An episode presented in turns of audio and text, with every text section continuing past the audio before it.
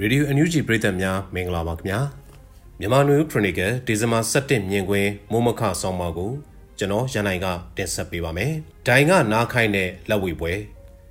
ရှမ်းပြည်နယ်မြောက်ပိုင်းမှာမြောက်ပိုင်းညီနောင်မဟာမိတ်၃ဘွဲ့ရဲ့တပြန်တစ်ထဲစတင်တိုက်ခိုက်ခဲ့တဲ့ဆယ်လပိုင်း29ရက်နေ့ကစတင်တွက်ချက်ရင်တလနဲ့18ရက်မြောက်တဲ့နေ့မှာထွက်ပေါ်လာတဲ့သတင်းတပုတ်ကတော့ညီနောင်မဟာမိတ်၃ဘွဲ့နဲ့၎င်းတို့ရဲ့စစ်ပြိုင်တစ်ဖွဲ့တည်းသော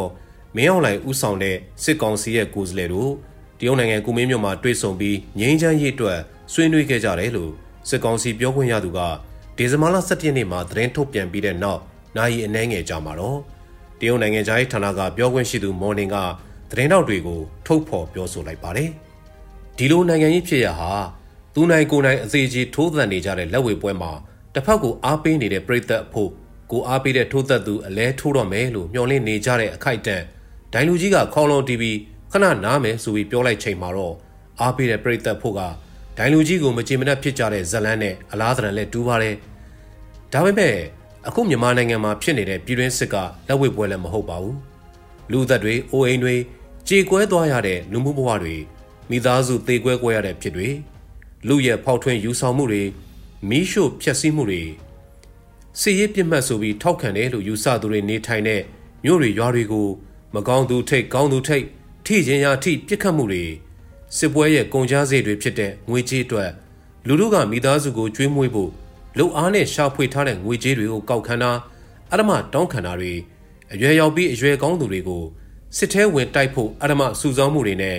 ရှင်ပြိုင်ကြရတဲ့ပြိုင်ပွဲဖြစ်ပါတယ်။အားကစားလည်းမဟုတ်သလိုအောင်မြင်မှုအတွက်ဂုဏ်ယူဝင်ကြွားဖို့တိုက်ခိုက်နေကြတာလည်းမဟုတ်ပါဘူး။အဖွဲ့အစည်းတွေရဲ့အကျိုးစီးပွားတွေပေါ်အခြေခံကြတာလို့ တိုးတိုးရှင်းရှင်းပြောမယ်ဆိုပြောနိုင်ပြီး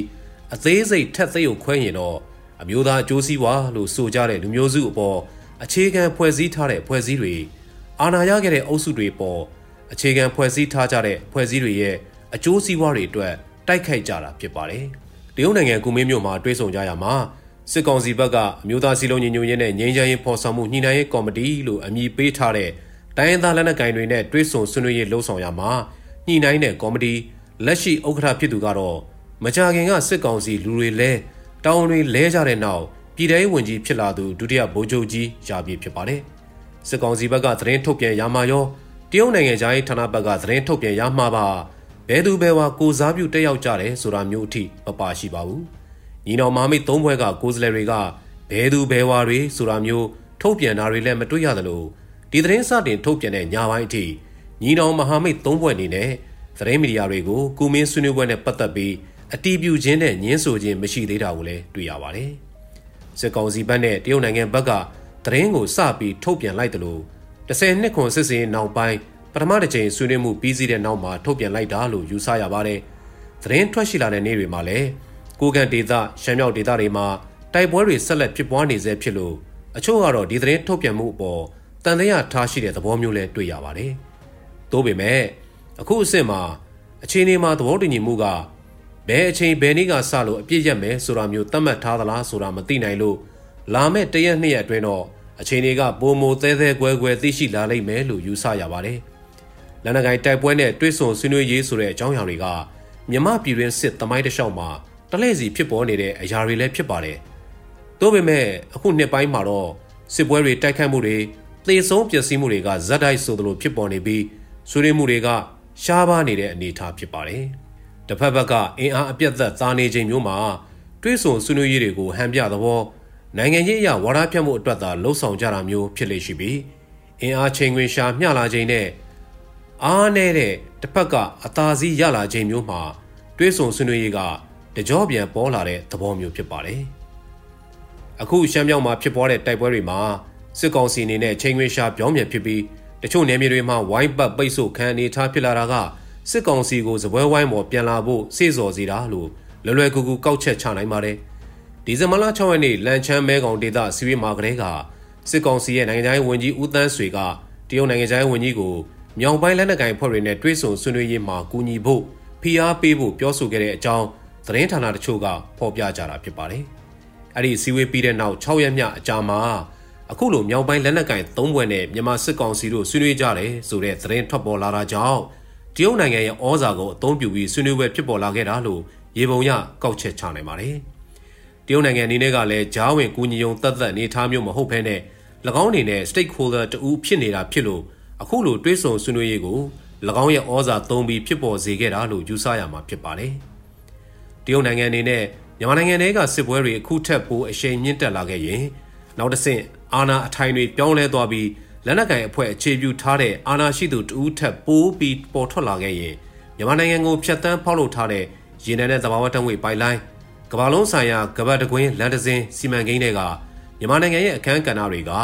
ပုံမရှုပ်ထွေးစွာကင်တွယ်ဆက်ဆံရမယ့်အနေအထားမျိုးဖြစ်လာနိုင်တာကိုစိုးရိမ်မှုရှိနိုင်တာလည်းဖြစ်ပါတယ်။ဒီအကျိုးစီးပွားတွေကြောင့်တရုတ်နိုင်ငံအနေနဲ့အခုလိုဆွေးနွေးပွဲတွေပေါ်ထွက်လာအောင်ကူညီလှုပ်ဆောင်ခဲ့တယ်လို့ယူဆရပါတယ်။ မြန်မာနိုင်ငံမြောက်ပိုင်းအနောက်ဘက်ပိုင်းနဲ့တောင်ဘက်ပိုင်းတွေမှာဖြစ်ပွားနေတဲ့လက်တလောစီရေးတိုက်ပွဲတွေအင်အားချိန်ခွင်ရှာအပြောင်းလဲတွေနဲ့ပတ်သက်ပြီးအမေရိကန်ပြည်ထောင်စုအနေနဲ့တစုံတရာသဘောထားမှတ်ချက်တိုက်တွန်းမှုလှုံ့ဆော်လာမတွေ့ရပါဘူး။အမေရိကန်ကဩဇာရှိတဲ့သတင်းစာကြီးတချို့မှာတော့စစ်ကောင်စီပြိုလဲတော့မဲ့အလားအလာနဲ့အမေရိကန်ပြည်ထောင်စုအနေနဲ့အသင့်ပြင်ဆင်ထားဖို့ဆိုတဲ့သဘောမျိုးအားပေါ်အမြင်တွေတစောင်းမကတပုတ်မကဖော်ပြလာကြပေမဲ့ဂျိုးဘိုင်ဒန်အစိုးရအနေနဲ့ပါလက်စတိုင်းအရေးယူကရိန်းအရေးနဲ့ လက်တွဲကင်တွဲမနိုင်အောင်ဖြစ်နေတာကြောင့်မြမအရေးမှတ်ချက်မပေးတာလားဒိုဒီမဟုတ်မြမအရေးကိုတရုတ်နိုင်ငံရဲ့လမ်းကြောင်းကိုပဲသဘောတူမျှထားတာမျိုးလားဆိုတာလဲစဉ်းစားစောင့်ကြည့်ရမယ်အချက်တစ်ချက်ဖြစ်နေတာအမှန်ပဲဖြစ်ပါတယ်။အော်တိုဘာနောက်ဆုံးပတ်ကစတင်ခဲ့တဲ့စစ်မီးအရှိန်ကြီးကြီးတောက်လာလာချိန်တနေရာမှတနေရာသို့ကူးဆက်လာချိန်မှာငကိုကတင်းရှောင်စရာမလိုဘူးလို့ယူဆထားတဲ့မြို့တွေနယ်တွေကပိုင်ဆိုင်မှုတွေစိုက်ပျိုးထားတဲ့လယ်တွေယာတွေထားပစ်ခဲ့ပြီး အသက်ဘေးလွတ်ဖို့ရရနီးလန့်တဲ့ထွက်ပြေးတင်းရှောင်ကြရချိန်မှာအခုလိုငိမ့်ချမ်းရေးဆွေးနွေးပွဲဆိုတဲ့စကားလုံးကပျော်လင်းချက်ရောင်ကြီးတစ်ခုလို့ယူဆကောင်းယူဆနိုင်ပါတယ်။ဒါပေမဲ့လည်းဖြစ်စေခြင်းတဲ့ဆန္ဒထက်ဖြစ်နေတာကိုစိစိစမ်းစစ်ကြည့်ရင်အကျိုးစီးပွားတကားဖုံးထားတဲ့စကားလုံးများသာဖြစ်သေးတယ်လို့ကောက်ချက်ချရမှာပါတခေတ်တခါမြန်မာပြည်မှာပြည်ရင်းစစ်မီညီညီတောက်လောင်ချိန်ကဂီတစာဆိုကြီးမျိုးမငိန်ကတေးတပုတ်ရေးဆက်ခဲ့ရမှာ ငိမ့်ချမ်းရေးကိုပြားရည်နဲ့တင်စားခဲ့ပူပြီးစစ်မီရှောင်မလောင်မီကြိုတင်တားဆီးဖို့နဲ့စစ်မီကိုငိမ့်ချဖို့ရမှာအိုကြီးအိုငယ်နဲ့သဲဆောင်ယူငင်ကပတ်ဖြန်းငိမ့်သက်ဖို့လိုသလိုလက်ခုံနဲ့ပင်ဖြစ်စေကိုယ်တိုင်ပါဝင်ငိမ့်သက်ဖို့နှိုးဆော်ခဲ့ဘူးတာကိုပြန်အမှတ်ရမိပါတယ်ဒီဒေသချင်းရဲ့နောက်ခံကာလက1950ခုနှစ်အစောပိုင်းကိုကြုံတွေ့ခဲ့ရတဲ့ဂီတစာဆိုရဲ့ဆန္ဒဟာ2020ခုနှစ်လွန်ကာလတွေနဲ့လည်း လိုက်ဖက်ထင်ဟပ်နေလိမ့်မယ်လို့တွေးဆမိပါတယ်။ငြိမ်းချမ်းရေးအစ်စ်ကပြားရည်ကဲ့သို့အစဉ်ချိုများလိမ့်မှာဖြစ်ပေမဲ့ပြားတကာဖုံးယုံဖုံးထားတဲ့သကလုံးသက်သက်ငြိမ်းချမ်းရေးဆိုတာကတော့ပြိရဲ့အကျိုးစီးပွားအခွင့်အခါကောင်းစောင့်ဆိုင်မှုနဲ့ကောက်ကျစ်မှုတွေဖြစ်နေလိမ့်မှာပဲဖြစ်ပါတယ်ခင်ဗျာ။